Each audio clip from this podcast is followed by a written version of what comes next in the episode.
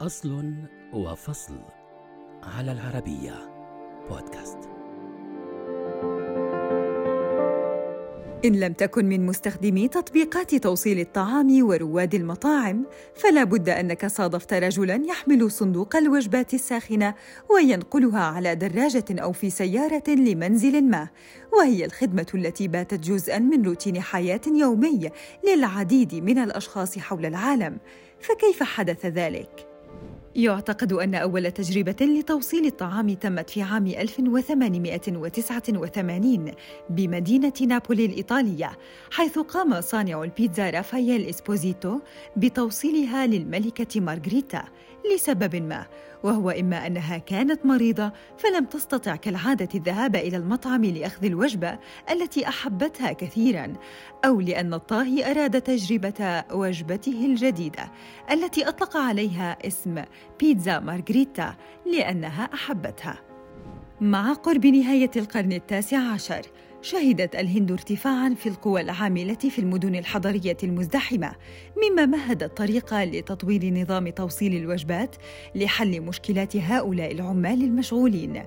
أطلق عليه اسم دابا والا أي الشخص الذي يحمل صندوقا.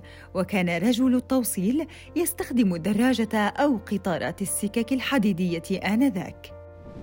في عام 1922 أعلن مطعم كينشو الصيني في ولاية لوس أنجلوس عن خدمة توصيل الطعام وكان يقوم بالتوصيل حتى الساعة الواحدة صباحاً.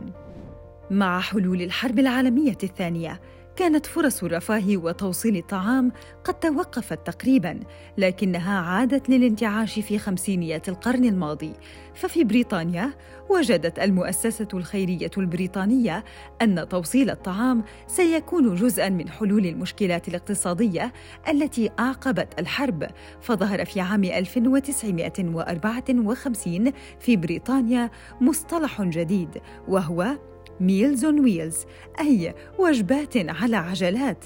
وهي الفكرة التي سرعان ما انتشرت في دول أخرى بما في ذلك الولايات المتحدة. ففي لوس أنجلوس عرفت الخدمة مجددا من خلال مطعم كاسا دي أموري وقام بتقديم خدمة التوصيل المجاني لأي طلب يزيد على دولارين ونصف وذلك في عام 1952 خلال الستينيات ساعد انتشار السيارات على تحسين الخدمة من حيث سرعة التوصيل، حيث طور مطعم دومينوز بيتزا خدمة التوصيل وحددها بثلاثين دقيقة أو أقل، ثم بدأت الخدمة تتطور يوماً بعد يوم مع نمو التكنولوجيا، وكان عام 1994 شاهدا على إطلاق أول خدمة توصيل الطعام على شبكة الإنترنت وكان ذلك من خلال مطعم بيتزا هات الذي قدم نموذجا مبتكرا ثم حذا حذوه العديد من المطاعم حول العالم.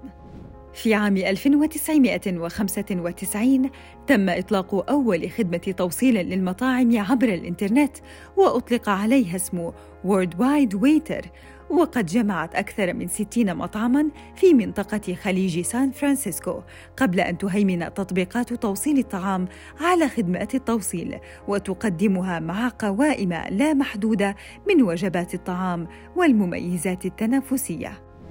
اليوم يمكن لأي أحد في أي مكان في العالم أن يطلب وجبته المفضلة بزر واحد فيما لم تعد هذه الخدمة وسيلة لطلب الطعام فقط.